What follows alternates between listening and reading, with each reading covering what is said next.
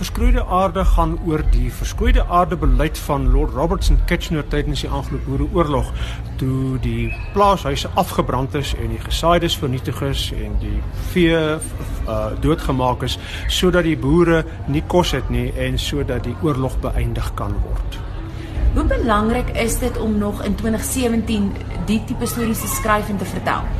Weet jy in die 30, 40er jare van die vorige eeu het Afrikaner woordsmede die leiding in die konsentrasiekampe en die sterftes gebruik om Afrikaner nasionalisme op te wek en dit het baie sukses behaal. Maar vandag wil ons anders daarna kyk. Ons wil kyk waarom het so iets gebeur en wat was die gevolge gewees op die Afrikaner siege?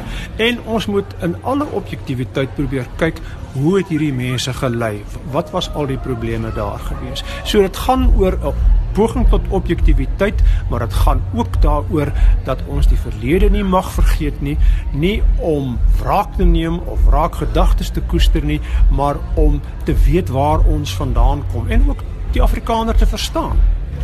Dink jy dis dieselfde ding? Ek weet ons het altyd so in geskiedenis geleer, um, jy leer van die geskiedenis sodat jy dit nooit weer moet herhaal nie. Ja, dit dit is natuurlik 'n probleem. Die mens leer nooit uit die geskiedenis nie. Uh, en ons moet besef dat 'n man soos Julius Malema vandag, uh hy was nie betrokke by apartheid nie, maar hy gebruik daardie soort uh, ervaring om mense uh, op te stook. Dieselfde wat die Afrikaner in die 30er jare gedoen het. En ons moet omdat ons nou daar deur is, moet ons dit met meer gebalanseerdheid daarna kyk. Ek wil nou juist vir jou vra, as ons kyk na ons huidige politieke situasie, wat kan hulle leer uit 'n boek soos joune nou? Wel, die belangrike is om so iets nie weer te laat gebeur nie. Om om om nie oorlogspraatjies aan te stook nie, nie grondgryp aan te stook nie, want die soort ellende, as dit eers begin, soos in die Anglo-Boereoorlog, eindig nie voordat daar geweldig baie trauma, swaar kry en ontsettende lyding is koop mense jou boeke? Die eienaardige van die saak is ja. Uh en dit gaan daaroor dat die Afrikaner na 1994 onderdruk is. Hy's nie meer in beheer nie. Nou soek hy in die verlede, hy soek vastigheid en hy sien, maar hoorie so, ons het ook in die verlede gelei. Die Afrikaner het swaar gekry onder andere se se onderdrukking. Uh hou in gedagte, nuwe Suid-Afrika, dat ons ook gelei het en ons wil ons geskiedenis deel met julle sodat ons in die toekoms 'n gesamentlike geskiedenis kan hê wat sê jy het so gelei en ons het so gelei.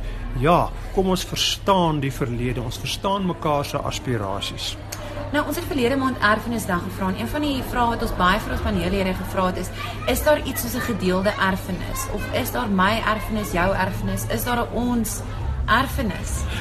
Baie interessant het iemand soos meneer uh, Nelson Mandela uh, daardie gedeelde erfenis raak gesien en hy het groot bewondering gehad vir iemand soos Dani Tron en Christian de Wet en daardie soort vryheidsstrydleiers van die Afrikaner.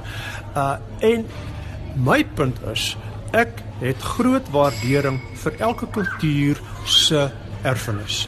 En al dit al kan dit nie gedeel word nie, wil ek graag begrip hê.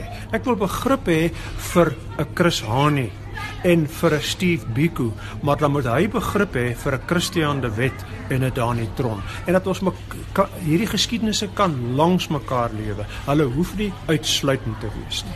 Maar hoekom is sulke boeke nog steeds belangrik? Ek weet ek het aan die begin vir jou gevra, maar Weet jy die belangrikheid van hierdie soort geskiedskrywing oor die Anglo-Boereoorlog en die lyding en sterftes en daardie soort ding is dat jy saam met die fiksie wat in Afrikaans vandag verskyn, 'n PG Du Plessis se Fees van die Ongenooides, Sonja Loot se Sirkusboere en anderewerke dat jy en Jeanette Ferreira se Boereoorlog stories waarvan sy redakteur uh, was, twee twee dele, dat jy daar uit dat die geskiedenis en die fiksie bymekaar uitkom dat ons mekaar ondersteun en dat ons 'n bietjie meer van die verlede weet want dit sê ons waar ons vandaan kom en dit sê vir ons waar ons nou in die wêreldgeskiedenis is.